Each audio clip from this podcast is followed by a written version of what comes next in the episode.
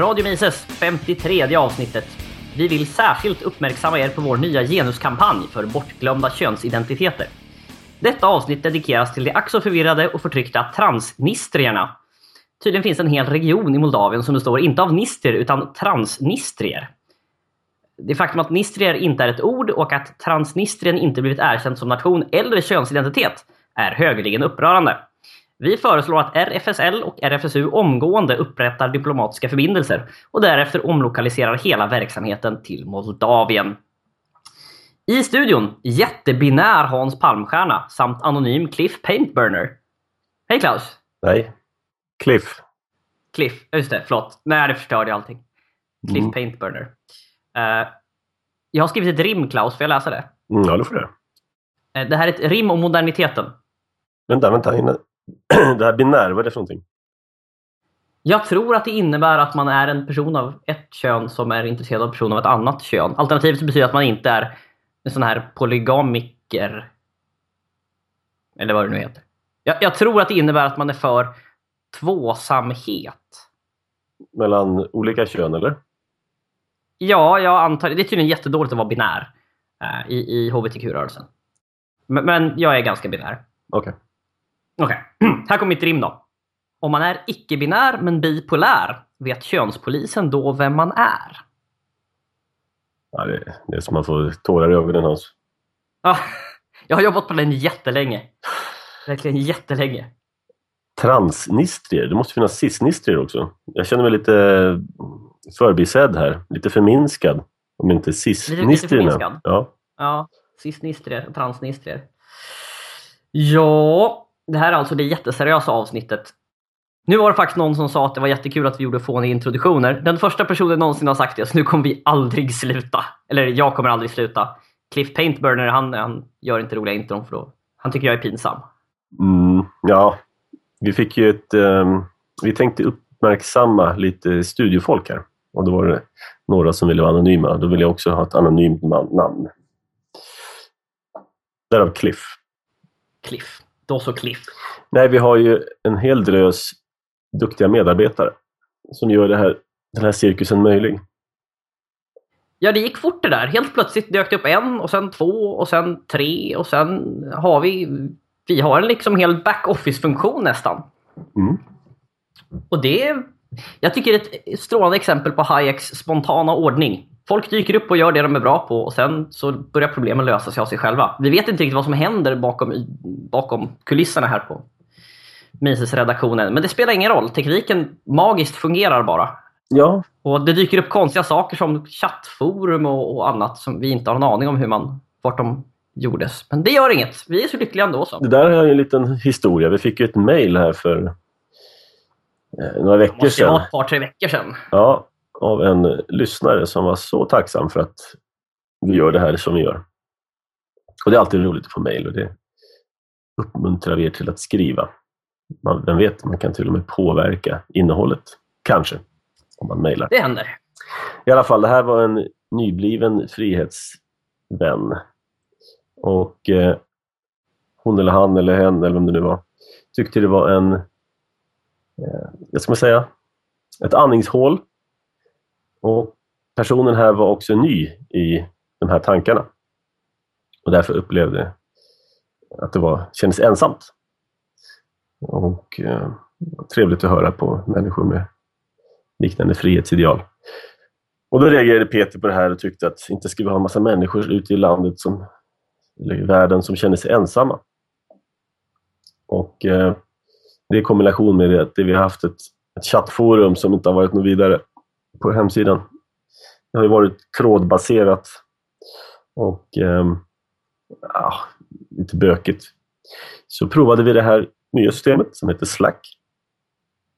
Som är en slags variant på det gamla IRC, va? grafisk upphottad Ja, det variant. liknar väldigt mycket. Um, Men det är väl, ja, det ska vara nytt och modernt och sådär. Och jag tycker att det är ungefär som gamla tiders chattklient. Typ som IRC, ja. Och det här är ju kanalbaserat istället. Så då har vi lite olika kanaler som man är inne och hojtar i som man tycker är intressanta. Någon som heter Frihet, någon som heter Mises, någon som heter Stockholm, någon som heter... Ja, allt vad de heter.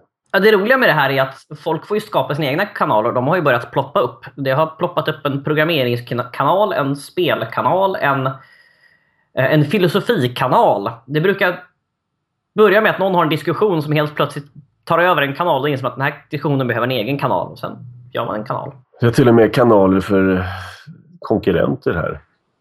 Ja, vad tycker du om det Klaus? Vänta nu här. Det här kan, kan vi verkligen tillåta det här? Ja, det, det tycker jag. Det enda vi inte kan tillåta det är könsord, eller hur Hans? Inga könsord. Det blir hård, då blir det hårdhänt moderering. Um, det finns en regel i princip.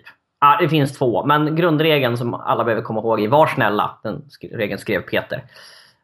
Um, och, och bete er som folk. Uh, sen finns det väl möjligtvis en tilläggsregel som Flashback brukar säga på grund av att, att, att uh, på grund av det här med, med ansvar för vad som publiceras. Och det är att uh, in, ingen kriminalitet, tack. Um, sånt kan vi inte ha.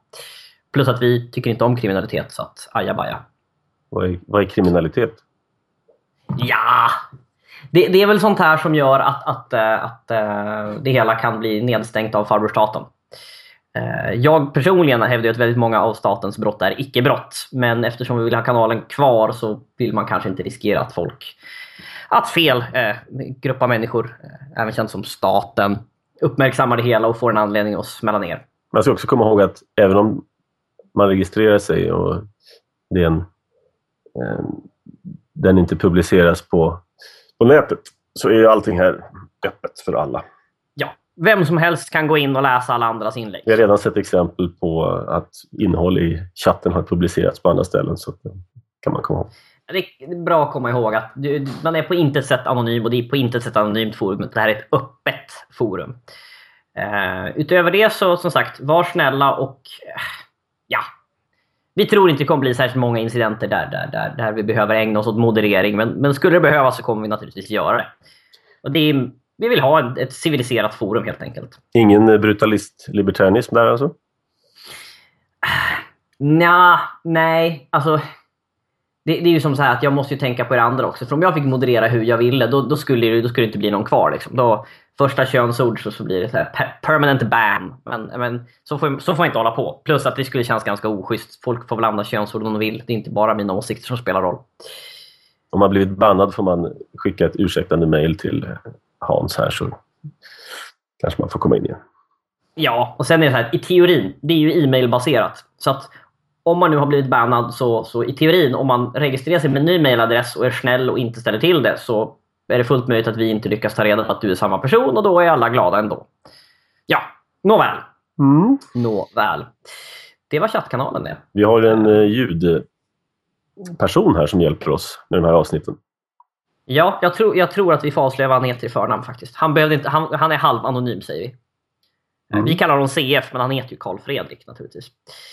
Och eh, vi tänkte meddela att om det är någon annan som vill ha en ljudredigerare så går det alldeles utmärkt att kontakta honom. Han tar uppdrag. Såvida man inte vill konkurrera med Radio Mises förstås. Nej, då tror jag inte han tar uppdrag. E- Eller så gör han det och så får vi en jättekonstig situation med, med, med, med konstiga lojaliteter. Vad ska vi säga då? Liksom? Ja, nej, jag bara skojade. Han får naturligtvis göra vad han vill. Vi lever ju vi lever i ett fritt samhälle. Ja, och för övrigt så ser inte jag skadan i lite fler konkurrenter. Vi har ju en eller en och en halv eller två och en tre kvarts. Jag vet inte, det beror på vad man räknar som konkurrent. Men, men eh, lite annat ljudmaterial finns det ju där ute som, som susar omkring. Och eh, ja, men det får väl gärna dyka upp fler. Det är väl trevligt och kul. Ju fler desto bättre. jag. Ja, i vilket fall. Om ni av någon anledning behöver en ljudredigerare för vad som helst så kan ni kontakta cfljud@gmail.com. Det är alltså cfljud gmail.com. Eh, kommer naturligtvis väldigt rekommenderad. Det är ju till och med så att eh, vi höll ju på att få lite problem där, för vi visste att vi behövde höja ljudkvaliteten. Men samtidigt så kan jag ytterst rudimentär ljudredigering. Men jag gav ju mig på det där ett tag och det höll ju på att suga upp så mycket tid så att, så att eh, utgivningstakten skulle blivit ännu sämre. Eh, Det var ju därför vi annonserade om en redigerare. Då dök CF upp och så blev allting jättebra. På tal om eh, frivilligarbetare, det är vi alla här, Mm. så är vi alltid på jakt efter folk som vill vara med. Och eh, det lättaste sättet att komma in är att man översätter eller att man tycker det är kul att designa grafik eller t-shirts eller Att man kan skriva själv om man vill. Det finns många sätt att hjälpa till. Mm. Och alla är välkomna. Man kan göra lustiga bilder där det står “Vem är Klaus Galt?” till exempel. Så, det, det händer en del lustigheter i, i, i- Slack-kanalerna ska vi säga. Eh, Om, inte, om man inte är intresserad av så mycket prata så kan man komma dit och bara eh, notera dråpligheterna. Det går också bra. Nej, det, vi ska ju säga så här, det där forumet, eller chattkanalen, är ett par dimensioner över förväntan. Jag tror väl att vi är uppe i snart 200 registrerade och även om det är väldigt många som bara eh, läser och lyssnar så är det en hel del av oss som inte kan vara tysta som sitter och snattar eh, tid som annan. Det inverkar menligt på arbetstid om man gör det på arbetstid. Det kan vara en varning. Ja, man får ju se till att göra det på lunchpauser, helt enkelt. Yep. Ska vi ta veckans Mises? Ja, den är jättekort. Eller veckans GP? Ja, veckans Göteborgs-Posten. Tyvärr så är det så att den här fanns ju i pappersupplagan av Göteborgs-Posten och den har inte vi fått tag på. Den kom i, jag tror i dagens pappersupplaga när vi spelar in det här. Så vi har inte hunnit läsa hela artikeln. Men det fanns... eh, Vi fick en fin screenshot och veckans Mises låter alltså så här. Det ligger upplagt på bloggen kan jag säga. Mises-bloggen. Eh, citat. Ekonomiskt sett är krig och revolutioner alltid dåliga affärer. Och det kan ju låta så här självklart. Men då ska man komma ihåg att det finns en hel ekonomiprofession som hävdar att krig faktiskt kan vara ganska bra affärer. Och det finns en hel del av den liberala rörelsen som tycker att revolution vore ju jättetrevligt. Det går ju, slutar ju alltid bra. Vi blir ju alltid mer fria och allting blir så fint när man har genomfört revolution. Men det tyckte jag sagt inte Mises. Han föredrog nog att saker skulle, eh, att folk skulle ägna sig åt ekonomisk verksamhet och inte krig och revolution. Ja, det här är rätt så revolutionerande eh, citat. Om man har gått eh, vanlig skola eller om man har läst vanliga tidningar. Så att, eh, ingalunda självklart för högutbildade människor. Nej, och jag tycker om Peter Schiff. De som inte vet vem Peter Schiff är så är det en ganska intressant amerikansk finansman och ekonom. Som, eh, han, ja, Peter Schiff was right finns en jättefin video på Youtube där han förutspår hela finanskrisen. Men han har ett jättebra, en jättebra förklaring för det här. Det här med att många tycker att ja, men krig höjer BNP och ökar ju behovet av produktion. Och hans, hans förslag var då att men ta då och bygg två gigantiska flottor. Men istället för att kriga på riktigt, för då dör ju folk, så skickar man ut dem på mitten av Atlanten och så sänker man dem. Då måste man ju ha höjt BNP något fantastiskt och ökat arbetstillfällen och ökat produktionen enormt. Så kan man ju fortsätta att göra så här. Du kan bara bygga krigsskepp och pansarvagnar och allting och så bara skeppar ut det mitt på Atlanten och sänker det. Och så fortsätter du göra så här år ut och år in så måste vi bli jätterika. För krig är ju bra för ekonomin. Ja, eller så kan vi, om man är Nobelpristagare i, i ekonomi så kan man eh, kalla in en eh, intergalaktisk eh, flotta.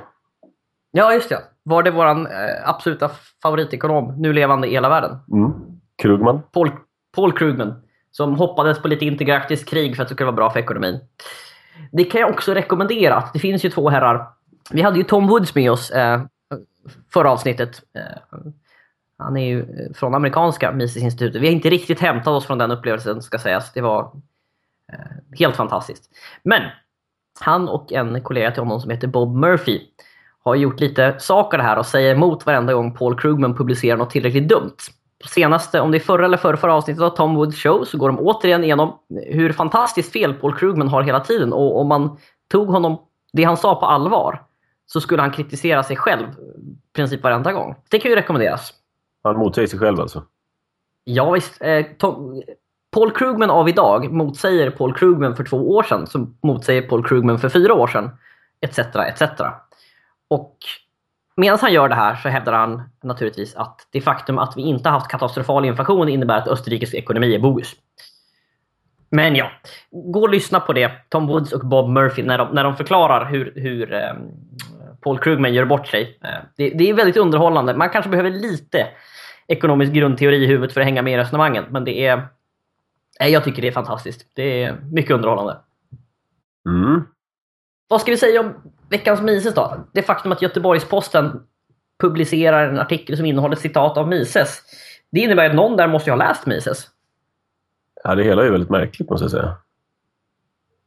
Sen ska vi komma ihåg att Göteborgs-Posten har nog Sveriges bästa ledarredaktion i dagsläget. Mycket tack vare att Alice Teodorescu blev eh, chefredaktör, eller politisk chefredaktör tror jag det var. Och hela den politiska led ledarredaktionen sa upp sig eh, för att mobba oss med henne. Vad de inte förstod var att de då gav henne möjlighet att rekrytera precis vem hon ville. Vilket hon också gjorde. Så nu sitter det en tok-liberal ledardelegation där. Det är nästan som att man ska köpa Göteborgs-Posten bara för, bara för den sakens skull. Problemet är väl att när man sitter här i Stockholm så vet man inte vad de pratar om. Avenyn och Västlänken och, och ja, nej, jag vet inte. Du får bilda dig, du får bilda lite Hans. Titta, lyfta Ja, men- blicken från Stockholmsgloben och Kaknästornet. Äsch, det är ju så här, vi tror ju att vi är så globala, men vi är ju faktiskt ganska lokala. Jag vet inte vad Avenyn är. Det är en, det är en stor gata. Är, är det Sveavägen? Avenyn motsvarar? Eller är det Kungsgatan motsvarande? Jag vet inte. Ja, Kungsportsavenyn. Heter den inte så? Kungstornet heter det. Det heter de. Ligger på Kungsgatan. Kungsportsavenyn vet jag inte vad det är. Det enda jag vet är att det är jättejobbigt att åka av motorvägen på E6 när man kommer in i Göteborg. Man åker vilse även om man åker rätt. Mm, ja, står en stor staty i ena änden av den här avenyn.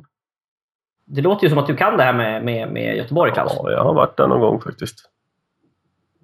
Jag har varit där två gånger. Jag förstår fortfarande ingenting. Poseidon heter han förresten. Som står där, staty i ena änden. Okej. Um, vi kanske måste skaffa oss en Göteborgs rapportör som kan förklara Göteborg för oss. Eh, för mig som är dum stockholmare. Åtminstone för tillfället. Vi får se hur länge jag fortsätter vara det. Nåväl. Um, Göteborgs-Posten alltså. Klart intressant och det är väl lite ett tecken i tiden att någon överhuvudtaget finner det värt att nämna någon som Ludwig von Mises som ju man kan ju inte plocka några så kallade mainstream-poäng på att nämna Mises, för det är ingen som vet vem han är bland vanligt folk. Bland oss vet ju alla vem han är naturligtvis. Men, men vi är ju inte vanligt folk. Det här är ju inte en vanlig podcast och det är inte vanliga idéer vi propagerar för. Så att, kanske en viss förbättring i, i gammelmedia på väl valda ställen.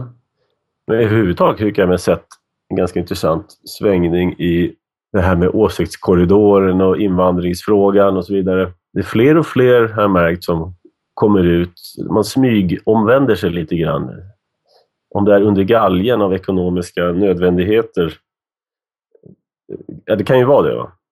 Jag märker att det går inte, det går inte att hålla på och propagera helt verklighetsfrånvända eh, tankar hur länge som helst om man ska sälja lösnummer.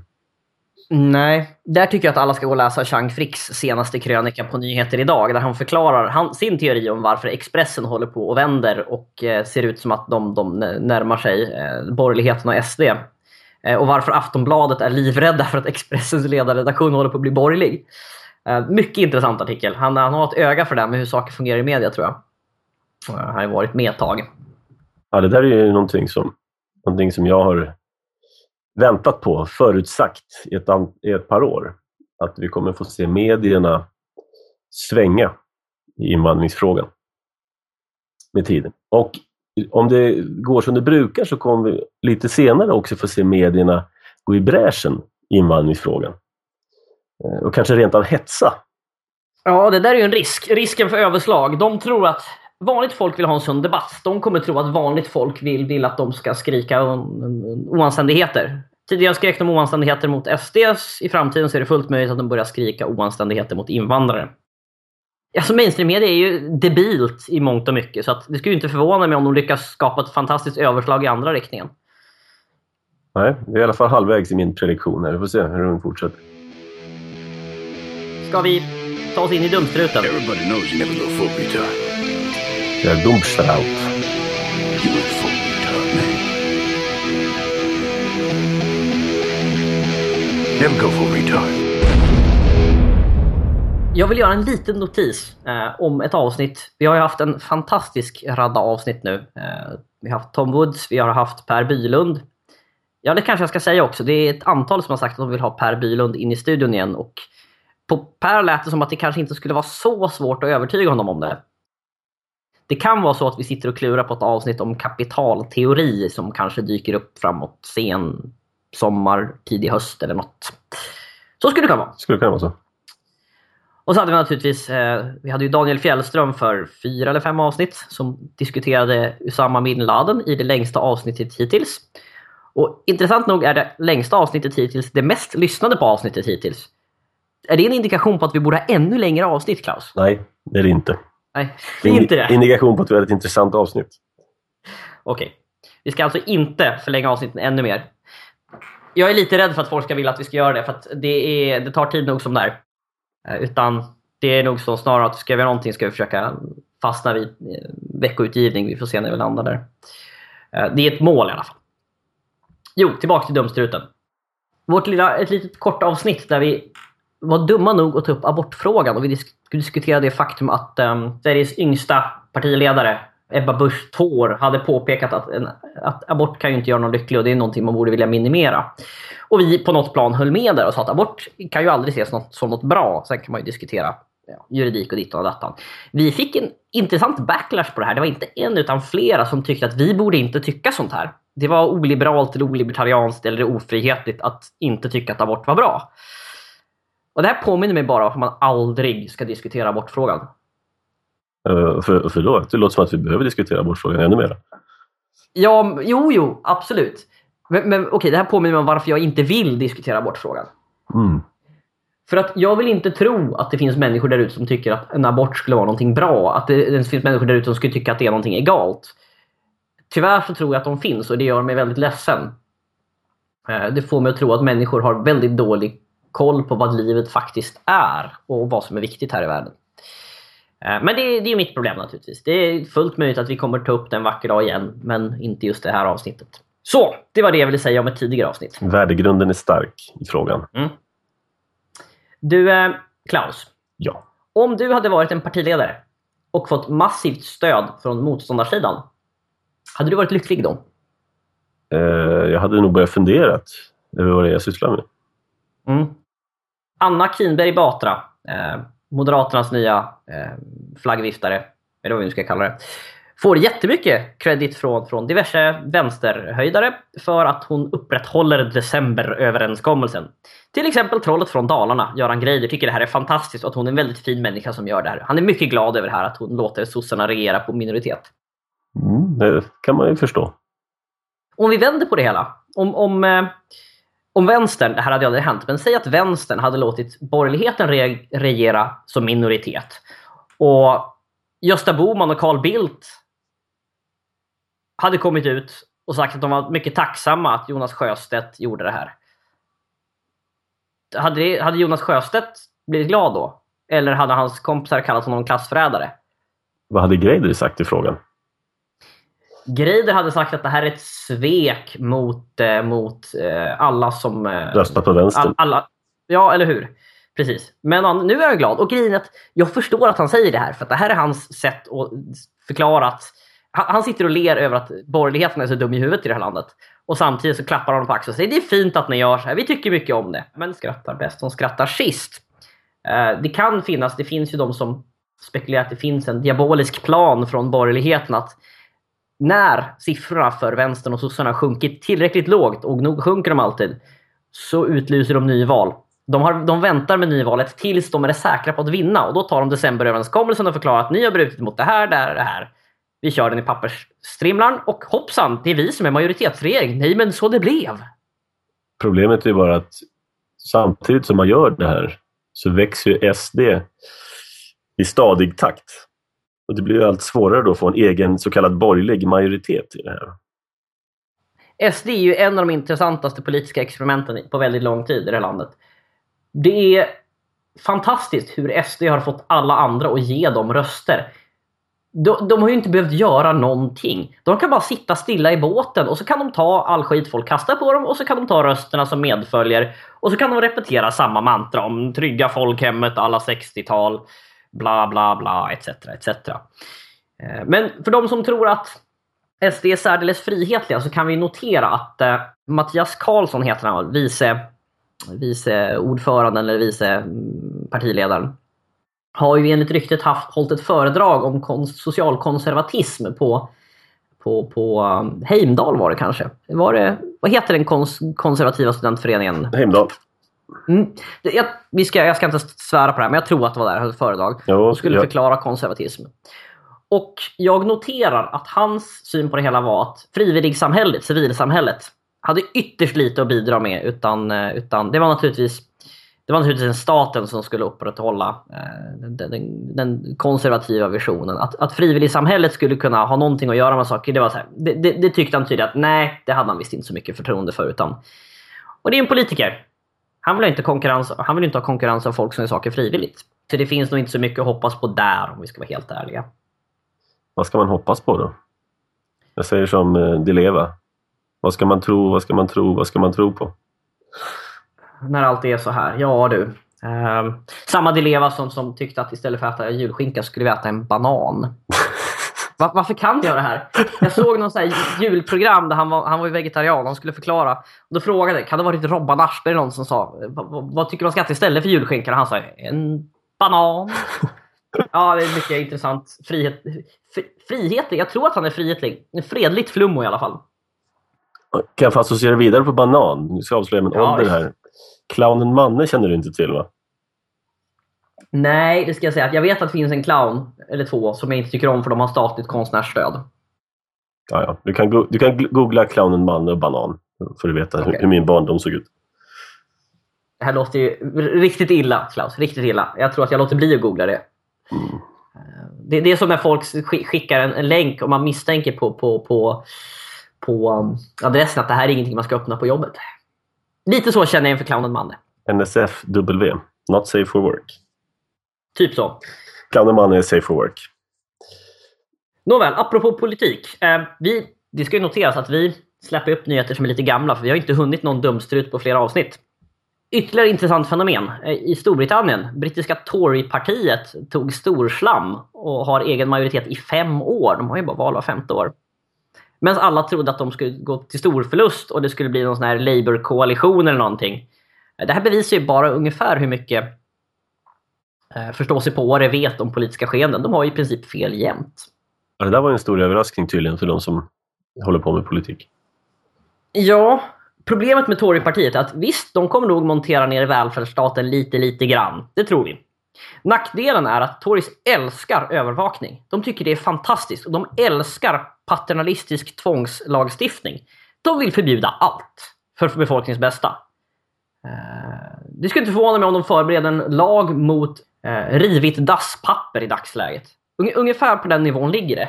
Och så naturligtvis gillar de ju att övervaka allting. Det ska övervakas, det ska förbjudas. Ja, det, är imponerande vilket övervakningssamhälle Storbritannien har blivit.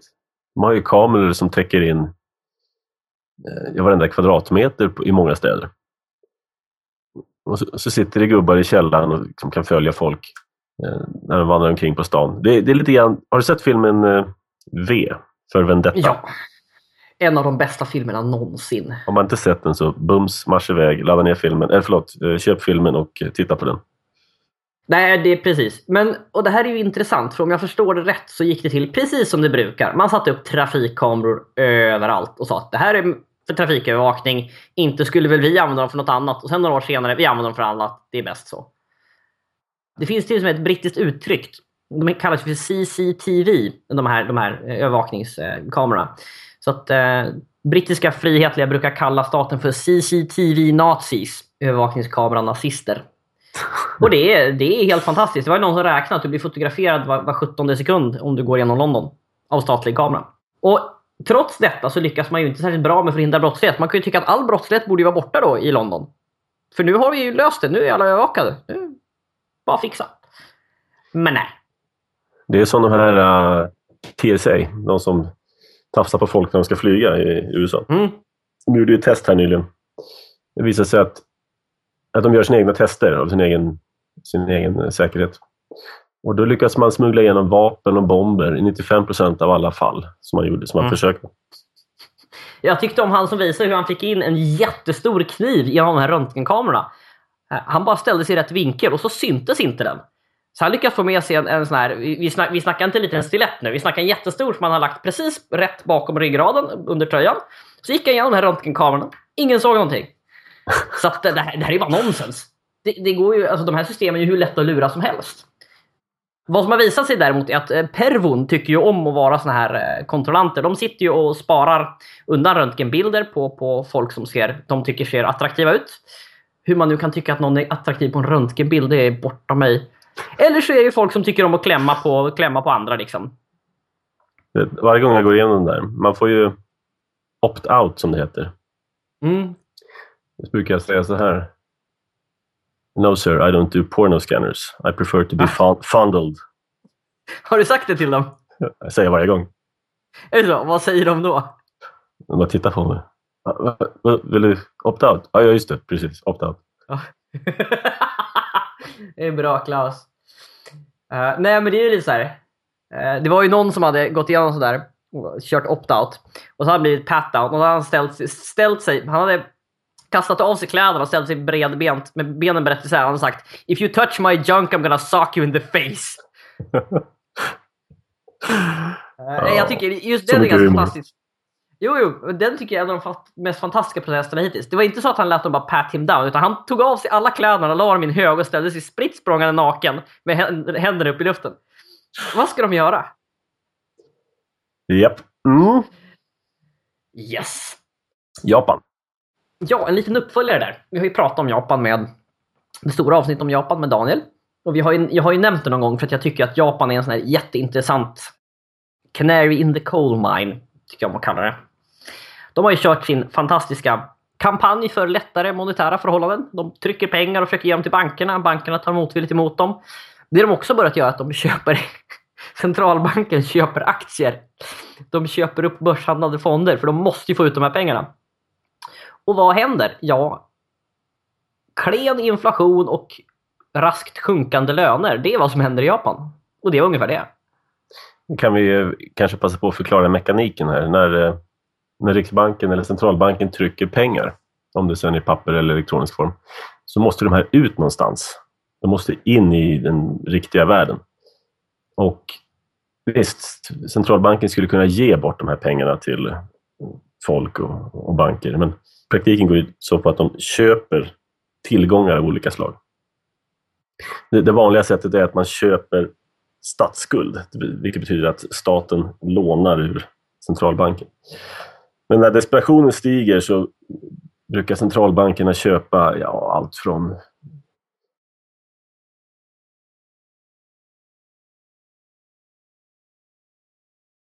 vad som helst egentligen kan de köpa, bara de får ut pengarna. Ja, och japaner är unika i, med tanke på den nivå av, av eh, aktieköp. De köper alltså så mycket aktier så att man är ganska säker på att de allvarligt rubbar marknaden, vilket man också kan se på utvecklingen av japanska aktier. I en nation där ekonomin i princip inte rör sig så går aktierna i taket. De börjar dock få ett problem för att de försöker köpa såna här börshandlade fonder. De vill ju inte äga aktier direkt utan vill köpa såna här fondpapper. Men de kommer att få slut på dem snart för de kommer att ha köpt hela utgåvor av såna här. Och det intressanta är att ekonomin gör precis vad den har gjort i 20 år. Den rör sig inte neråt, den rör sig inte uppåt, den står i princip stilla. Du har ett banksystem som fortfarande ruttnar inifrån.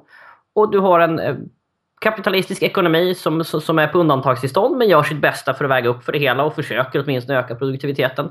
Folks löner stod- stod stilla och nu sjunker de tack vare att de har fått igång lite inflation. Och på det stora hela, det är allt som händer. Och det, det är ingenting annat som kommer att hända. Om de nu inte gör som eh, nästa land vi kan tala lite om, tala lite om Venezuela. Eh, Venezuela håller nu på och spränger sin valuta på riktigt. Vi snackar eh, åtminstone 100%, troligtvis 200-300% i inflation. 500 såg jag häromdagen någonstans. Ja, och det ryktas att befolkningen... Folk har börjat sälja venezuelanska valutan fortare än den ökar i volym. Det här är alltså det som Mises kallade för the crack-up boom. Och det är när folk har insett att pengar tappar värde fort. Och vad som händer då är att till slut, så du må trycka lite pengar men folk handlar ner värdet på valutan fortare. Och eh, det är alltså så att värdet av den venezuelanska valutan, den handlas nu till lägre värde än de totala reserverna som Riksbanken har. Och det här är ju lite paradoxalt för att den venezuelanska riksbanken skulle i teorin kunna ta alla pengar och säga nu växlar vi in dem till ut- här, ni får utländsk valuta istället som är värd mer än ni faktiskt får för den på svarta marknaden. Men det här har att göra med att det finns en förväntning om att valutan kommer sprängas och att riksbanksreserverna kommer bli noll. Det här är den accelererande slutfasen innan en valuta slutar upphöra att existera. Och om vi kollar till historien så har de inte ens ett år på sig. Om det fortsätter i den här takten så kommer inflation om ett år vara säkert 1000 procent. Men vad vet jag, de, de kanske slutar och förstår någonting, men det har ju inte hänt tidigare. Det, sannolikt så går det åt peppar med den valutan också. Det jag undrar över, har man kommit in i kannibalismfasen ännu? Har du hört någonting om det? Inga rapporter om det, inte den nordkoreanska fasen än. Men Det brukar ju alltid bli kannibalism och sen blir det dödsläger och sen så, ja, så börjar de. Alltså Venezuela får ju in en del. Staten lyckas ju dra in en hel del pengar på olja. De har ju fantastiskt mycket olja för att vara en så liten nation. Problemet är att majoriteten av det här går ju till strunt och ingenting. Det går till det korrupta ledarskiktet och eh, som sagt, sen är ju statliga förstatligade oljebolag, där sjunker ju effektiviteten ganska raskt så att de får in mindre och mindre. Och då finns det ju folk som säger att Nej, men det är bara på grund av sjunkande oljepris. Venezuela fungerade jättebra innan. Snarare så att det sjunkande oljepriset var liksom dolkstöten, dödsstöten för en redan halvdöd venezuelansk ekonomi. Och nu är det alltså snart slut på riktigt.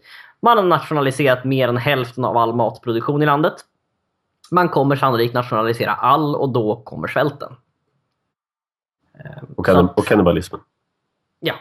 Ja, nej, men folk tror att vi skämtar när vi säger så här. Nej, det, nej, finns länder där, det finns länder där i modern tid pågått kannibalism. Nordkorea på 90-talet. Det svalt ihjäl 3, 4, 5 miljoner människor. Eh, Jag tror att det var 10 procent av befolkningen som svalt ihjäl. Eh, På grund av skördar som slog fel. I normala länder, när skördar slår fel, då stiger priserna. I, I Nordkorea så dör man. Ja, det här var ju under Sovjettiden och svälten i Ukraina. Det är klart att då, då åt folk varandra. Ja. När man, när man ser ens föräldrar liksom stå och slipa kniven så ovanför sängen, eh, då, är det allvar. Liksom. Ja. Nej, men det är ju makabert att ens, ens behöva prata om sånt här. Men folk tror, när vi säger att kommunism är dödligt, så ska man komma ihåg att det är det. Inte, det är inte alla kommuniststater som det här har hänt i. Kuba har klarat sig på för de har fått mutor från Sovjet. Sovjet klarat sig på en rutten ekonomi, men inte så rutten. Det som räddade den sovjetiska ekonomin var att man började i smyg tillåta svarta marknader i ganska bred utsträckning. Likadant den kinesiska. Efter att man hade mördat en herrans massa folk från 60 och 70-talet så på slutet av 70-talet så kom, när Mao dog då, så Deng Xiaoping tog över, så hävdade man att ja, vi tillåter inte alls fria marknader, men om ni skulle råka starta ett företag som inte har mer än sju personer så kanske vi inte kommer att, göra någonting åt det. Och på den vägen var det. Det finns en eh, jättebra bok som heter Capitalism with Chinese... Åh, den står i bokhyllan där ute. Fel bokhylla igen. Jag ska slå upp den till nästa avsnitt. Som förklarar lite hur, hur liberaliseringen av kinesisk ekonomi eh, hände och va- va- varför Kina nu inte är ett u-land längre. Jag tar, tar den i nästa, nästa Mhm. avsnitt. Nästa avsnitt. Eh, men eftersom vi ändå pratar om ekonomi och här ekonomiska dumheter. I Los Angeles ska de höja minimilönen. Ganska rabiat. Vad tror vi händer då? Vi lämnar det som en övning åt våra lyssnare, tycker jag. Det är ganska enkelt att ta reda på.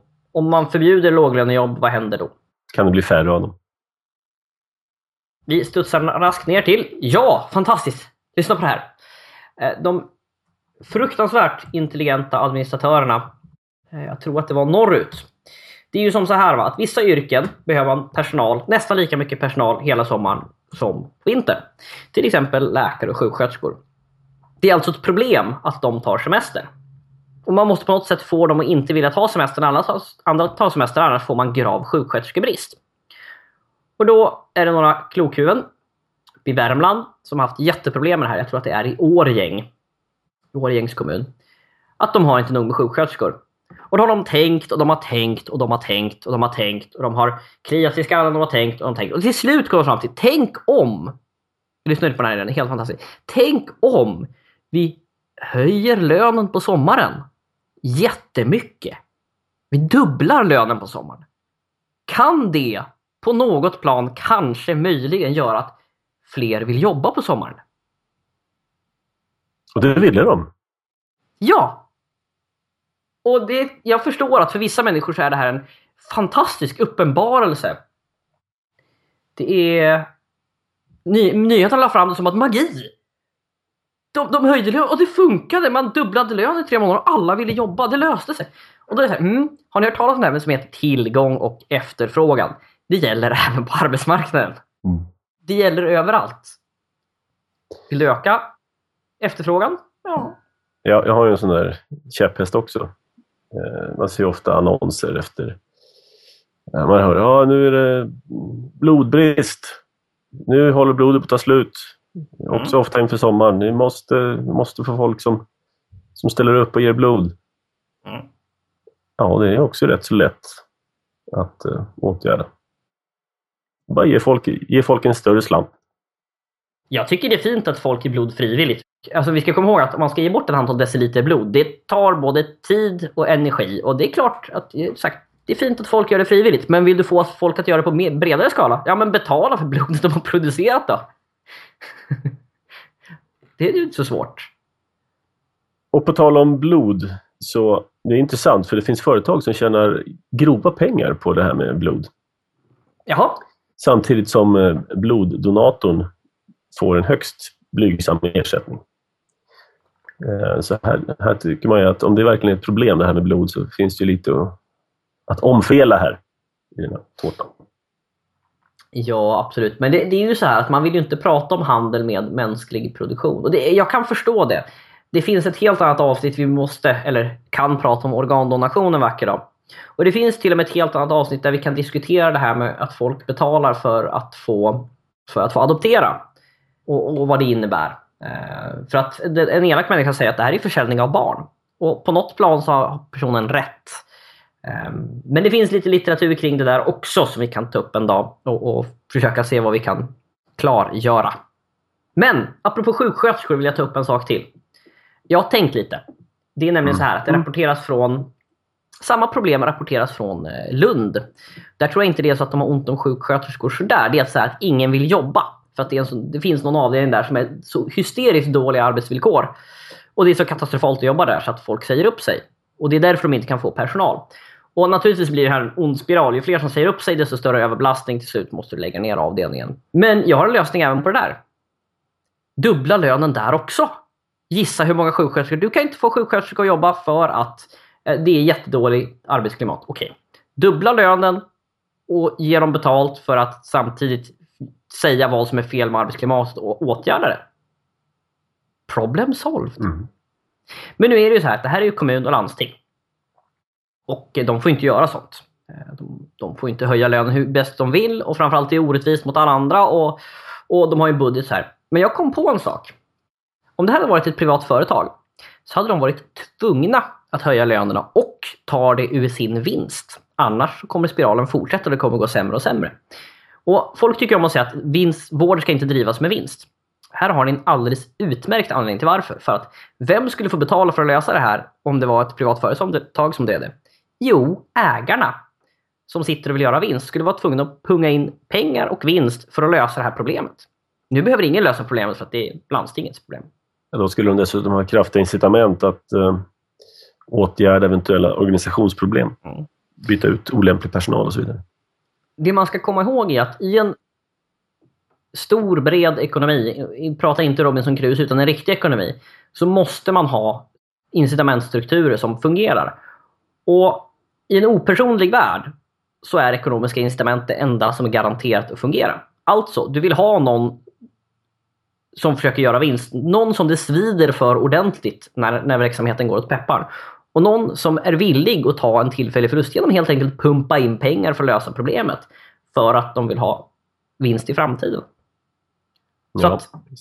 Vad vi behöver här är en ondskefull kapitalist som får göra, som det svider ordentligt att han börjar göra förlust. Som svider ännu mer när han måste ta ännu mer pengar för att lösa problemet och ändå så kommer han göra det. Så att de av er som tycker att ondskefulla kapitalister bara suger ut vinst ska komma ihåg att ondskefulla kapitalister pungar också in enorma mängder pengar för att lösa problem som annars förblir olösta. Ur sina egna fickor.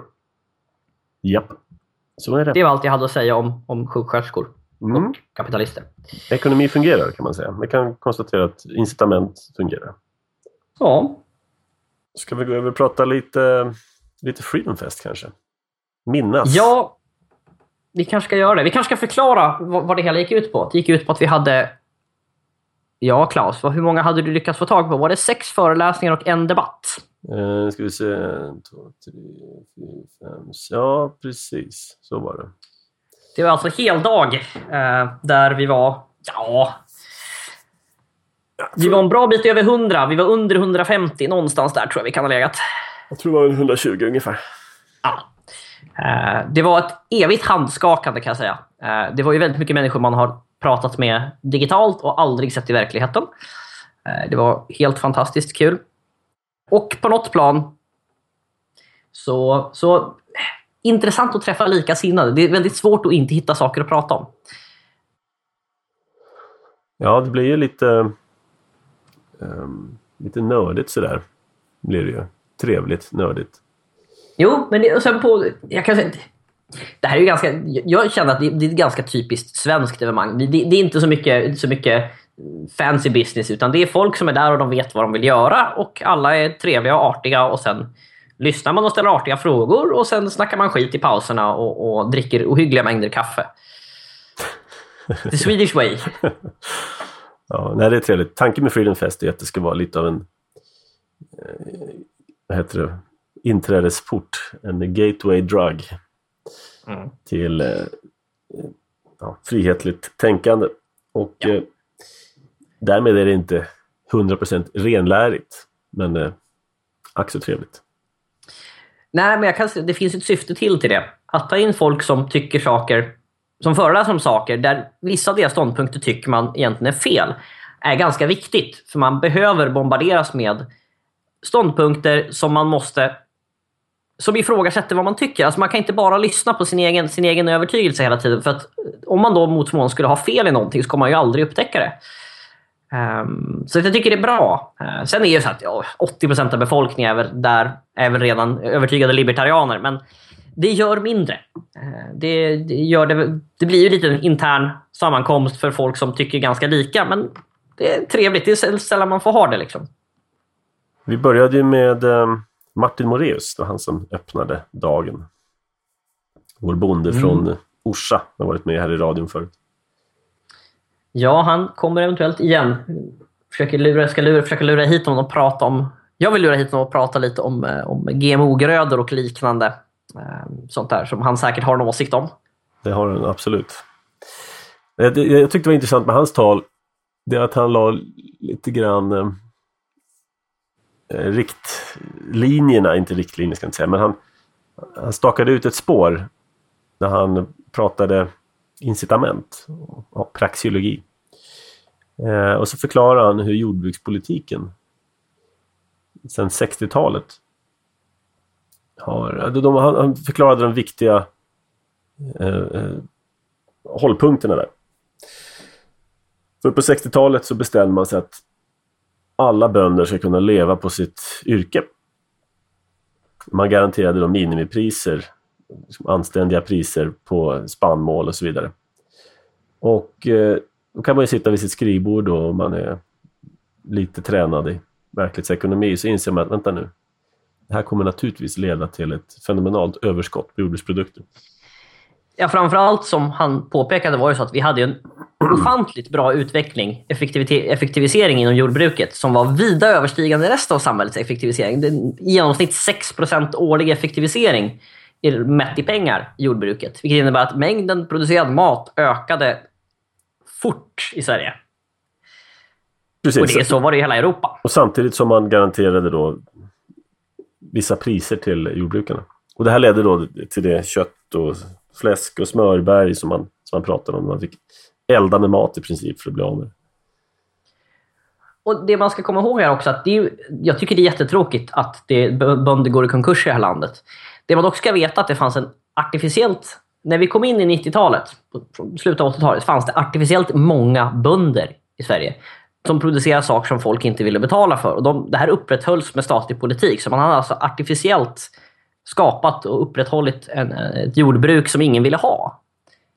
Eh, så det är ganska naturligt att därifrån måste vissa bönder eh, sluta vara bönder och bli något annat. Sen kan man argumentera att svensk lagstiftning nu har slagit åt andra hållet. Att vi slår ihjäl bönderna med, med eh, lagstiftning som gör att de har sådana konkurrensnackdelar mot alla andra. Att, att vi får för få bönder mot vad vi skulle haft i en fri marknad. För det var, ju, det var ju det som han berättade då var nästa steg i det hela.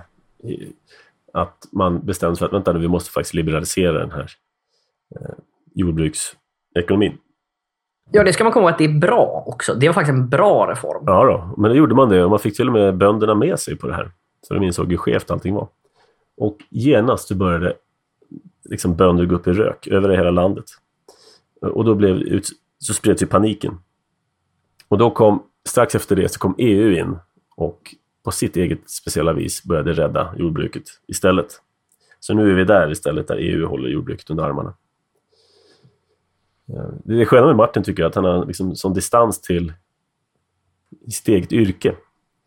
Eh, ah, eh, man kan, bara för att han är bonde så tycker han inte alltid att bonderiet ska ha stöd. Utan han vill ändå att det ska få lämnas till sitt eget öde. Sin egen Jag har, lycka. ett, jag har ett klagomål på hans föredrag och det framförde jag också efter. Det fanns bara en enda powerpoint-bild med en traktor på. Ja. Jag har krävt fler traktorer nästa föredrag. Vi får se om han, han går med på det. Eh, jag hade hoppats på traktorer. Många traktorer. Mm. Nej, men det var kul. Sen hade vi... Nummer två var... Chang Frick. Ja. Och han är ju ett yrväder, som det heter på ren svenska. Han eh, berättade allsköns roliga anekdoter om, om eh, vad som händer om man har elektronikskrot men inte papper. Vad som händer om man på skoj startar en nyhetsrörelse som helt plötsligt får en fruktansvärd mängd läsare. Och för att man publicerar nyheter som folk är intresserade av. Han, är ju, han erkänner själv att han blandar ju högt och lågt på, på ett ganska vansinnigt sätt. Och det tycks gå hem. Så att han, är, han, är, han är väldigt intressant. Det är alltså Chang Frick som driver nyheter idag. Eh, en av de här vänsterns utsatta hattidskrifter för att Chang Frick en gång i tiden var med i Sverigedemokraterna. Uh, nu för tiden så känns det som att han slirar väldigt, väldigt långt åt det libertarianska hållet. Uh, han skrev för övrigt, jag för mig, fick en liten krönika från hans medverkan på Freedom Fest. Mycket trevligt. Mm. Han, eh, han uppmuntrade alla att bli sina egna skribenter. Journalister. Det är bara att ta en kamera och åka ut till närmsta förort när bilarna brinner.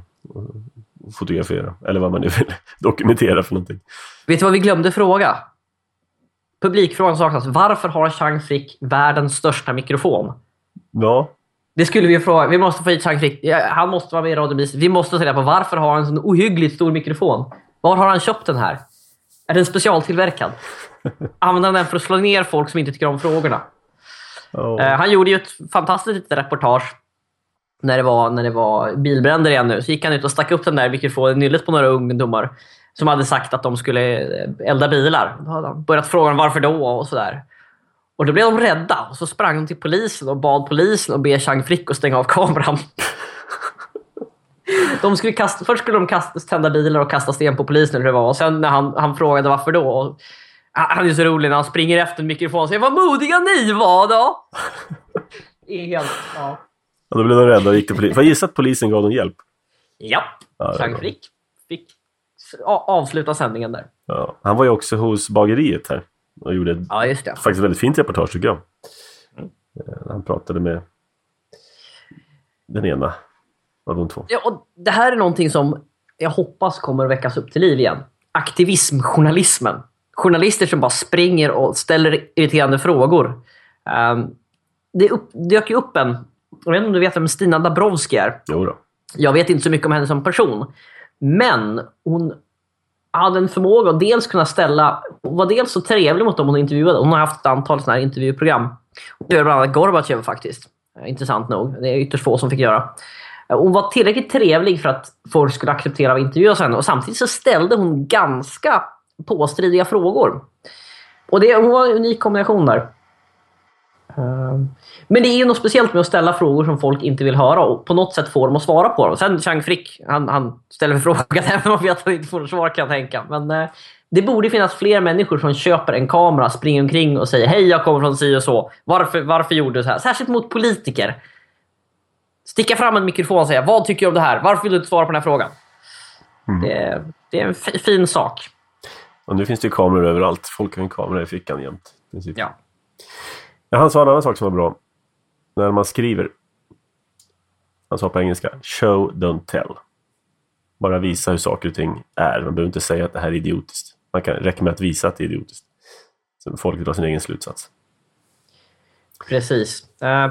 Och det är väl något vi hoppas att vi kan göra också. Nu beror det på vilken av, om man läser våra artiklar eller... Vi har ett litet troll som sitter och hamrar ut den här veckan som förgick varje vecka. Och där kan det ju vara så att vi... Det händer att vi påpekar saker som är... Förlåt, trollet påpekar saker som är... Eh, inte, inte bara show utan även tell och använder vissa, vissa ganska bildiga begrepp för att förklara vad man tycker om saker. Men, men. Sen hade vi... Eh, ja, just det. Stellan Abrahamsson. Årets mest pedagogiska förklaring av hur banksystemet korrumperas. Hur banksystemet reagerar exakt på de incitament som regleringar ger. Och, Ja, det här hängde ihop fint tycker jag med eh, Martins föredrag. För här visar han återigen då hur de incitament som läggs eh, i och med bankregleringar påverkar hur bankerna agerar. Föga förvånande. Nej, det jag tycker är mest fantastiskt är ju att eh, för- för så sent som för en 15 år sedan så var väl den här internationella bankreglementet 30 sidor. Och det senaste är 6000 sidor. Ja, precis. Han sa det här första bankreglementet, Basel 1. Det ledde ju till finanskrisen 2007-2008. Och då måste man naturligtvis fixa. För det var inte riktigt bra, bankreglementet. Det var tydligen något fel på det, upptäckte man då, va? som hade lett till de här problemen. Så Basel 2 kom ut och det var på 300 sidor. Ehm, och det är implementerat. Och nu jobbar man på att förbättra det här ytterligare med Basel 3 som är på, som du sa, 6000 sidor. Och då säger man What could possibly go wrong? Det, det, det var det du fnissade över sätet eh, när vi satt och lyssnade på det här. Det var svårt att hålla sig för skratt ibland. Det, det, var, alltså, det är inte så att de som talar på Freedom Fest är, är komiker sådär. Men alla har ungefär samma, samma eh, variant av torr humor. Så det är svårt att inte garva under föreläsningarna. Plus att alla, all, alla förstår ju vad det, är, vad det är som är så dråpligt i situationen. Det, det är ju en dråplig värld vi lever i. Framförallt om man kollar till staterna och statliga incitament. Ja, det var bra. Det, det, bra. det går ju inte att driva. För det första kan du inte komma in och starta en bank idag. Det är så oerhört höga inträdesbarriärer. Eh, Dels på den, insats du behöver och dels på alla de reglementen du ska uppfylla. Men eh, han sa, det går i princip inte för... Det är väldigt svårt att driva en bank idag också rent praktiskt, även för de stora företagen. Därför du behöver sådana enorma juristavdelningar för att kunna uppfylla de här reglementena. Och du har Mm. nästan inget utrymme att, att driva verksamheten som du vill, utan allt är reglerat nu i minsta detalj. Vilka personer som ska finnas i organisationen, hur de ska rapportera till varandra. Eh, ja, Och det, det intressanta här är att yt, ytterligare ett problem ska påpeka att det finns ett enda sätt att driva en bank och det är så som reglerarna har, de, enligt de incitament som regleringen har gjort. Och det han påpekar också är att alla banker börjar bli så pass homogena så alla drivs på exakt samma sätt. Vilket ni kan gissa vad, vad det innebär när nästa finanskris kommer och det visar sig att det här sättet var dåligt. Mm. Men eh, en poäng kring det där. Nu naturligtvis har jag tappat poängen. Eller kan jag komma in en annan poäng så länge. Han Mm. förklarar ju... Eh, banker måste ha visst eget kapital när de utfärdar lån. Vilket är en buffert då mot om lånen blir dåliga. Om de förlorar vissa lån som inte betalas tillbaka så måste de kunna täcka upp med egna pengar.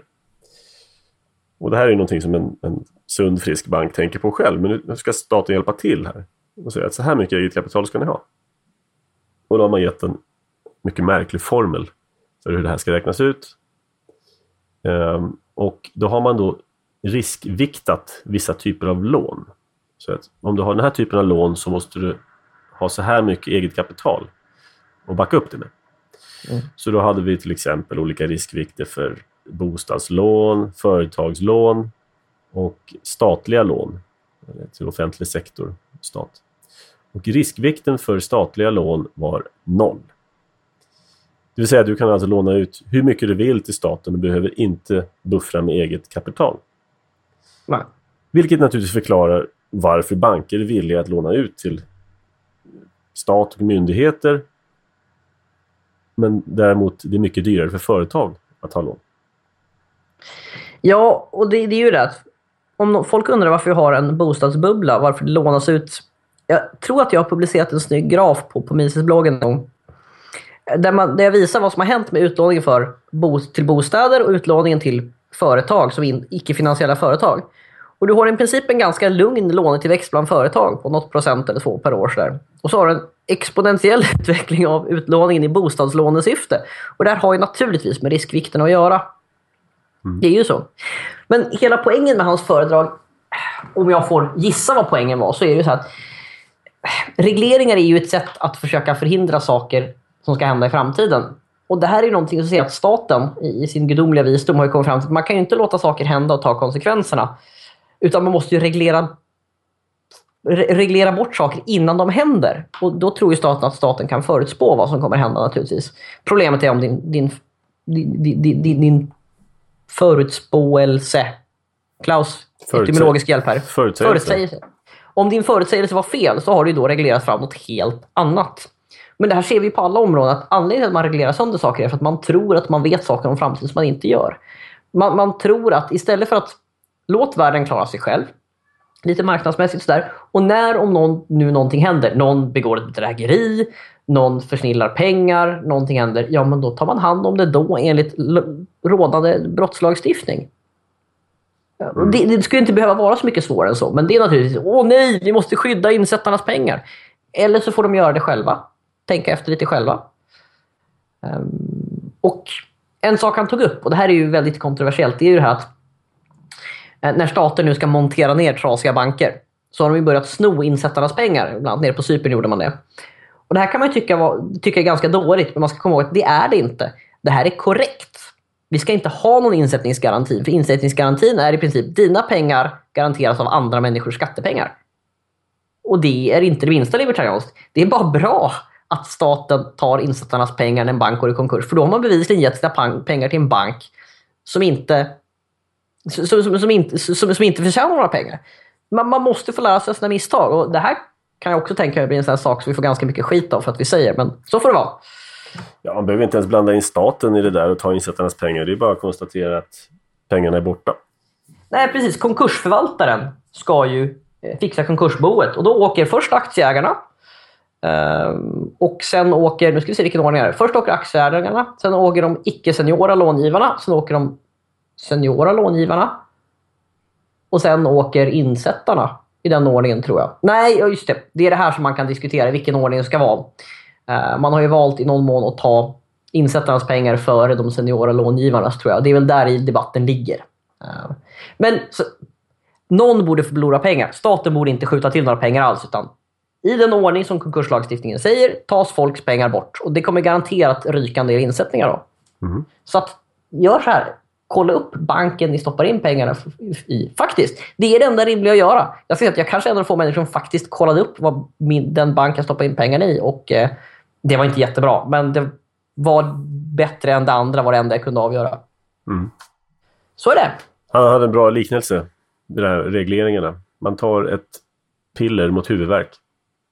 Och sen får man två biverkningar, så tar man två piller till. Så får man fyra biverkningar, så tar man åtta piller och så vidare. Och, så är det med regleringarna, de får bieffekter. Och så måste man reglera mera. Ja väl, nåväl. Mm. Eh, jo, vi måste ju ta Martins, eh, hoppa tillbaka till Martin snabbt. Eh, hans liknelse om krokodilen. Den berömda krokodilen. ja, Folk, folk som köper små krokodilungar för att de är så gulliga och sen, sen slutar det på, på sätt som alla kan förutspå vad som kommer hända. Men hans son sa att, så satt och kollade på TV och sa Åh pappa, ett sån fin liten krokodilunge, kan vi inte köpa en sån? Eh, och han förklarade för sin son då att ja, fast den här krokodilen kommer bli, växa upp och bli en stor krokodil. Sen kommer den äta upp allt vi har och sen äter den upp oss. Och med det här menar han att det, det går inte att... eh, Ja, staten är som en liten krokodilunge. Man kan tycka att den är gullig och praktisk i början, men den växer. Till slut Mm. äter den upp oss. Så är det. Var var vi i kedjan? Sen, det- hade vi... Joakim Fagerström. Ja. Och hans, eh, hans eh, föreläsning har refererats lite om Nicodemus i sin senaste, eh, senaste artikel, har jag för mig. Om, om, det handlar ju naturligtvis om Nils Dacke och upproret i Småland. Småland och Västergötland tror jag. Det var ju ett ganska brett uppror. Mot Gustav Vasa naturligtvis. Mm. Det är intressant att höra historien. Det finns ju ganska väl dokumenterat. Eller bitar av det finns. Sen finns ju lögnhistorien som är den officiella historien naturligtvis. Men det finns en bra bok. Heter den Gustav Vasa, landsfader eller tyrann? Ja, precis. Jag har inte läst den, men jag har hört att den är bra. Den ligger på läslistan som allting annat naturligtvis. Man har ju bara så många timmar per dygn. Men den sägs vara bra av de som har läst. Att den ganska tydligt påpekar tveksamheterna i, i, i Va- Vasamyten. Ja, det är ju inga tveksamheter direkt heller. Nej, men, men rätt, För, för vanligt folk kan det vara tveksamheter. Ja, för vanligt folk kan det ju kännas som tveksamheter. För oss känns det väl ganska mycket som att ja, gissa vad som hände. Precis. Han pratade också om eh, centraliseringen av politisk makt i Sverige sedan Gustav Vasas tid. Och det började naturligtvis ännu tidigare med Sveriges Stalin, Birger Jarl. Sa du Sveriges Stalin? Ja, jag citerar eh, Dick Harrison. Han har utnämnt Birger Jarl till Sveriges Stalin. Alltså, det här måste jag säga. Dick Harrison, jag tycker om långt ifrån allt han gör. Men han skriver rätt mycket bra. Framförallt så kan han ju vara en av våra mest pålästa historiker. Han är populär historiker får man ju säga. Han skriver i SvD. Eh, han, han besvarar såna här historiska frågor om vad som helst. Men helt illa är det inte. Alltså jag vet att det finns många som tycker illa om Dick Harrison. Jag, jag tycker en del av det är faktiskt ganska bra. Ja, han, han har gjort både bra och mindre bra. Han är lite av en etablissemangs etablissemangshistoriker emellanåt. Men, eh, nej, men han har, han har gjort en hel del bra Han är grejer. ingen Tom Woods Nej. liksom. Jag skickade faktiskt in en fråga till honom för några år sedan. Som finns där Mm. på bloggen, SVTs blogg. Som fick ett väldigt bra svar. Mm. Ja, vad hade vi sen efter Joakim Fagerström? Vi hade... Lars Bern. Ja, just det. Där var det så tråkigt. Jag sprang iväg och sen tappade jag bort dem. Jag skulle vilja ställa 200 frågor till honom, men jag, ja, jag hann inte. Det var ett jätteintressant föredrag. Han spårade i princip... Lars Bern är ju miljöforskare och har varit väldigt länge. Han har varit miljöansvarig på bland annat Volvo. Och han har ju gjort riktig forskning. Eh, den mest fantastiska anekdoten var när de skulle undersöka skogsdöden. Då fick de då anslag och då la de tak på en stor mängd skog. Så att det inte skulle bli surt regn på den. Och så skulle de jämföra med skogen bredvid. Och de alltså la tak på en större skogsområde.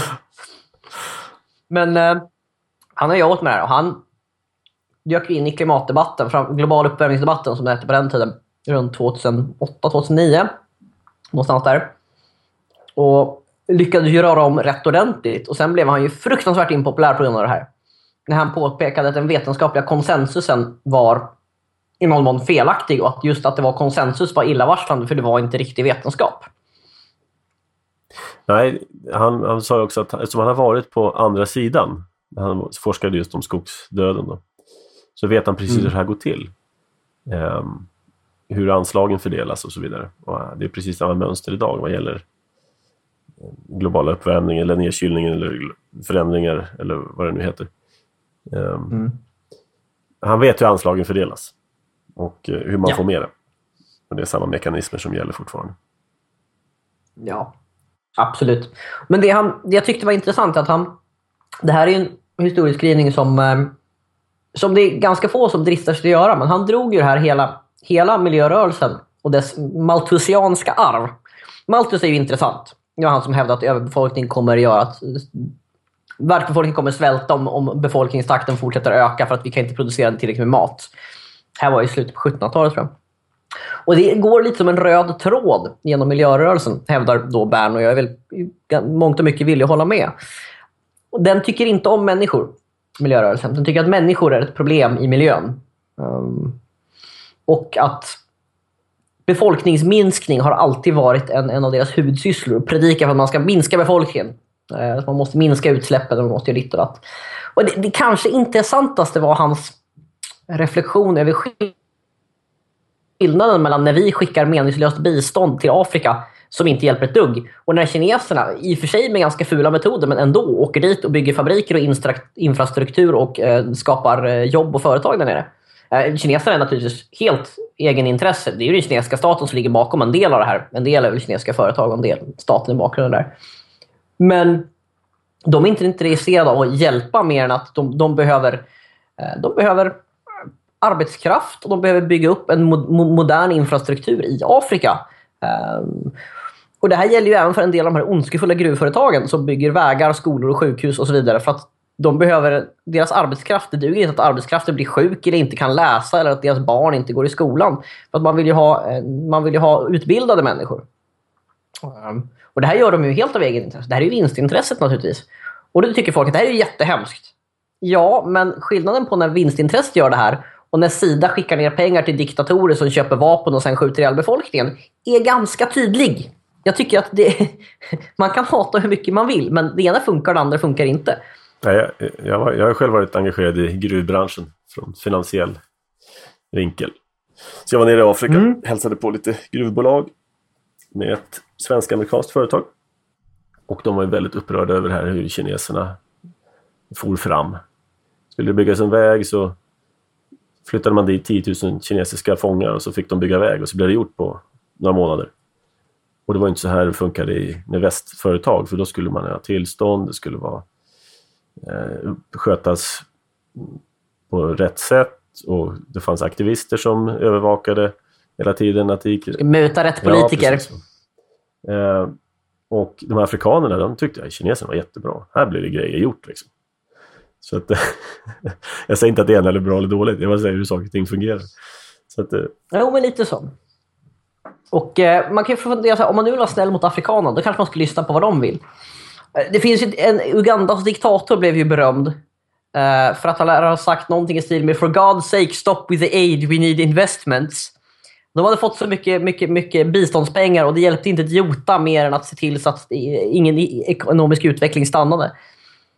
Eh, sent om sidor har man väl på något plan insett det här. Hela mikro, mikrolånsrörelsen är ju, är ju en konsekvens av att några har insett det här. Sen finns det faktiskt problem med mikrolånsrörelsen också. För att ni kan ju fundera vad som händer om man ger lån till människor som ingen annan ville låna pengar till. Ytterligare en annan historia. Men det finns väl lite mer förståelse. Helt enkelt för att kineserna är elaka bara klafsar rakt in och bygger saker utan att fråga om tillstånd. Och framförallt, så det välstånd som kommer av deras ekonomiska verksamhet är Eh, en bi bieffekt av deras ekonomiska intresse. Sen, ja, mm, Afrika är också ett intressant ställe. Men, men eh, hur kom vi in på det här? Jo, Lars Berns lilla föreläsning där han förklarade vad skillnaden är. Och Han påpekade också att det ser ut som att det kommer bli kineserna och, och eh, vissa andra länder som kommer stå för som kommer försöka rädda Afrika i den mån Afrika går att rädda. Det vill säga skapa ekonomisk verksamhet så att Afrika blir, når någon form av välstånd. Eh, Väst har ju fatalt misslyckats. Och han var ju nästan så konspiratorisk att han, han var ju så att han, han undrade vad för diabolisk agenda som låg bakom västs eh, politiska inblandning i Afrika. Och det kan man faktiskt fundera på ibland. han ställer också den eviga frågan om det är dumhet eller ondska. Det må variera, Mm. eh, tror jag. Ja, sen hade vi något som försökte likna en debatt. Ja, Och här, Och- här måste jag ta på mig lite av, av skulden här för att jag eh, borde ha modererat den här historien så att det hade blivit mer frågor från den ena parten till den andra. Eh, men eh, i alla fall var det underhållning kan man säga. Ja, och jag hade ju hoppats att det skulle fungera som fri debatt. Sen när man ställer två debattörer som är så radikalt olika som eh, monarkist Björn Johannesson och republikan eh, Henrik Arnstad. Självklart så det, är, det är enkelt att vara efterklok och komma fram till att det kanske hade behövts moderering. Samtidigt kan jag tycka att Ja, nej, jag vet inte. Jag, jag har hört väldigt många olika åsikter om debatten. De flesta var överens om att det var underhållande. Vissa var väl så här, tyckte att det var, blev lite svårt att följa och vissa tyckte att som, som debatt, debattkonceptet rasade lite. Men vi, vi kan förklara så här för de som inte var där. Eh, Björn höll en svavelosande predikan mot demokrati alla tidigt 1900-tals väckelserörelse. 1800-tals väckelserörelse kanske det.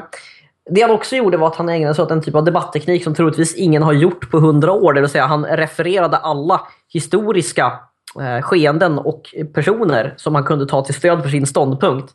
Jag har för mig att han inledde med att förklara att, eh, eh förklara att både Jesus och Sokrates mördades av demokrater. Det är en bra inledning. Och Det här är ett sätt att debattera som jag vet inte om det händer idag längre. Vilket naturligtvis var väldigt annorlunda än vad Henrik Arnstad gjorde. För han försökte med snu, snusförnuft förklara hur att demokrati faktiskt fungerar bra. Att kungen är en ganska konstig institution. Och att, att, att det, det är konstigt att det ska vara någon form av förstfödslorätt hos en enskild familj. Uh, till, till, uh, även om det bara är ett symbolyrke nu. Och de, det, var, det var väldigt lite, väldigt lite kontaktyta om vi säger så. De, de träffade varandra i debatten väldigt sällan. Sen kan jag ha en del personliga åsikter om en del andra saker, men det tänker jag inte eh, yppa här. Utan vi kan säga att det var underhållande, helt klart. Ja, det, det, var, det var verkligen underhållande. Um, och som frihetsvänner så är vi ju egentligen varken för det ena eller andra, utan vi, jag tänkte vi skulle låta de här herrarna övertyga oss om att något av deras,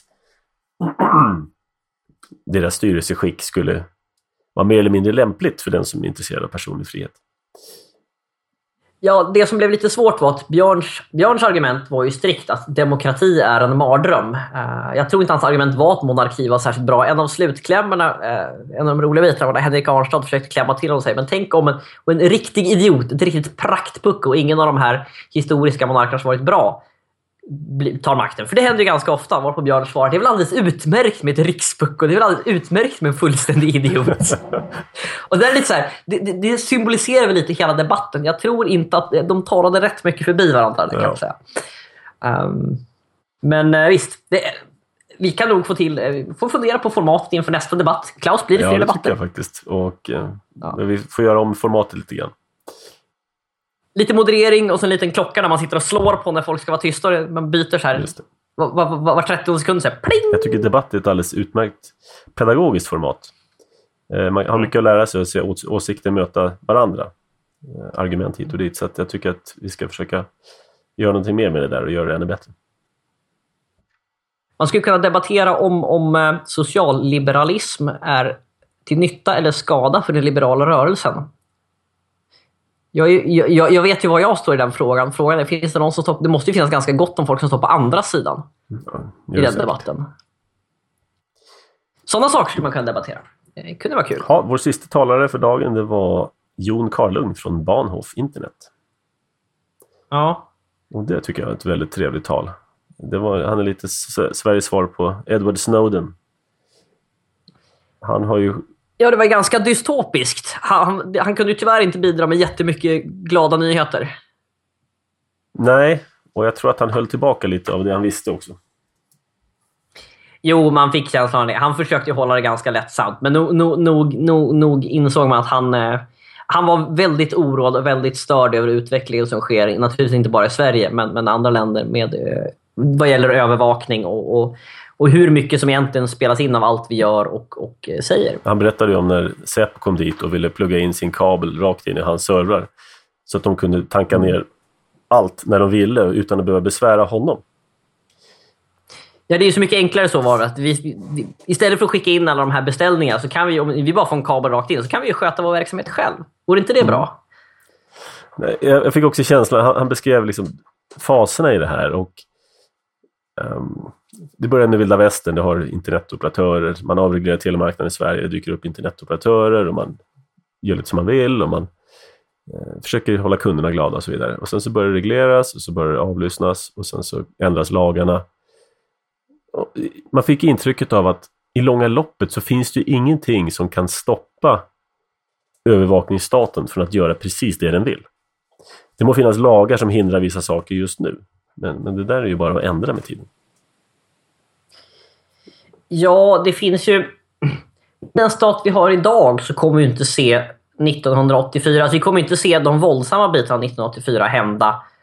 Ja, nu tänker jag på to- to- tortyr och inspärrning. Nu ska vi komma ihåg eh, de två egyptiska medborgarna. Eh, som, som, eller de två, jag vet inte om de var utländska medborgarna som skeppades till Egypten för att torteras av CIA under Göran Persson och Anna Linds överseende. Så att, vi ska inte säga att det inte händer, vi ska säga att det är ganska ovanligt att det händer att staten tar sitt eh, underrättelsematerial och sen eh, förgriper sig på medborgarna. Men det är ingenting som säger att det inte kommer bli vanligare om vi säger så. Eh, när det är hot mot staten och hot mot samhället, då kan man mycket väl tänka sig att man blir insläpad i ett mörkt rum med utskrifter på allt man har sagt med någon som förklarar att man ska erkänna det ena eller det andra. Ehm, vi tror att det här bara händer i Östtyskland. Och visst, det, det händer inte i Sverige idag. Men är det någon som kan med allvar säga vad vi tror händer med demokratiska staten om 20, 30, 40, 50 år? Och det är ju där man ska vara allvarligt rädd. Kan jag tycka. Pöbelväldet är fullt utblommat, då finns det inga, inga hinder och gränser längre. Nej. Eh, Så att, men det var, han var ju rolig Karl. rolig Karl. Han rekommenderade att man skulle kryptera sin Ja, e-mail och, och lite annat där. Ja, och han, eh, han eh, rekommenderade att man skulle göra det man kunde för att upprätthålla sin, sin, sin, eh, in, sin integritet på internet. Även om det naturligtvis var svårt och blir svårare och svårare. Jag vet att NSA fick ju en liten, liten törn nyligen när Rand Paul gjorde en ytterligare en sån här filibusters. Jag tror att han pratade i 10 eller 11 timmar. Det var en, ytterligare en sån här maratonsak. Och han lyckades göra så att eh, The Patriot Act blev inte förlängd. Och jag tror att det dröj, tog nästan ett dygn innan de kunde hamra igenom förlängningen. Så han stoppade Patriot Act i, i, i ett dygn drygt eller någonting. Och sen hamrade de igenom den nya lagen. The USA Freedom Act. Som det så fint heter. Det, det, är, alltså, det, det är sånt orwellianskt nyspråk så det är Ja, äckligt. visst, visst. Men jag kan tycka att det jag tycker om med Rand Paul, och här, han, han är inte 100% libertarian, men det jag tycker om med Rand Paul, det är alltså Ron Pauls son, är att han gör de här grejerna för att påpeka vansinnet. Han ställer sig upp i senaten och så pratar han i, i 10-11 timmar bara för, bara för att göra en poäng. Och han får ju hur mycket skit som helst från det här från resten av etablissemanget. Och det är just därför jag kan tycka att, att det på något plan faktiskt ganska, är ganska modigt att göra det. Även om han nu är politiker. Så att... ehm, Mm. Ja, det var ju Freedom Fest. Sen hade vi, sen hade vi middag och öl, men det är en helt annan historia. Det blev bra det också, kan vi notera. Eh, Mycket fint var en anordnat. fin dag. Ja, vi hoppas det blir flera. Eh, och jag misstänker, jag förutspår, i och med att vi nu har ett litet forum där vi har ett antal människor, jag vet att det finns ett antal människor där som inte kunde komma på Freedom Fest i år. Inte hade tid eller möjlighet eller sådär, inte kände att de kände någon. Jag misstänker att vi nog kan sparka upp antalet som kommer rätt markant nästa gång. Ja, jag hoppas det. Eh, För det blir väl nästa gång, Klaus? Ja, det ser ut att bli det nu efter den här framgången. Ja. Det är nu du ska säga nej, jag tänkte lägga ner det här. Var bara... Nej, vi skiter i det här. Vi gör något annat istället. Jag ska, jag ska odla potatis. Nej, det är... Och som alltid, eh, det finns ju... Folk frågar hela tiden efter, finns det video? Finns det video? Och ja, det finns ju någon form av video. Vi kan ju inte svara riktigt på vilket skick, för att det var ju tredje part som spelade in. Det finns inspelningar, vi vet inte hur mycket och det kan nog behöva klippas och mixas lite. Så att vi hoppas väl återkomma med någonting i alla fall. Precis. Eh, Men vill man, vill vill man uppleva det så ska man vara där. Så är det bara. Ja. Precis. Mm. Det tog längre tid att prata om det där än jag trodde, så att eh, övriga ämnen sparas till nästa Mm. gång. Har vi något avslutande visdomsord? Eh, böcker, filmer, tv-spel, höll jag på att säga. Um, Jag hade tänkt att göra lite högläsning, men jag sparar det till nästa gång. Ja, Jon Carling nämnde ju också det här med Google och Facebook. Att den verksamhet de bedriver är inte helt sund heller. Det är inte bara staten som avlyssnar och övervakar, utan även de här företagen. Eh, och då kommer jag att tänka på ett citat som lyder så här. Ehm, att du kan använda de här tjänsterna gratis. Det beror på att du inte är en kund, utan du är produkten. ja, tänk på det hörni. Ingenting är gratis här i världen och är det gratis så ska ni ta en allvarlig funderare på varför. Radio Mises är gratis och eh, varför den är det kan ni fundera över. Precis. Det var avsnitt 54. Klart och förpackat. Eh, Vi återkommer så snart vi kan. Tack för oss den här gången. Hej då! Tack och hej!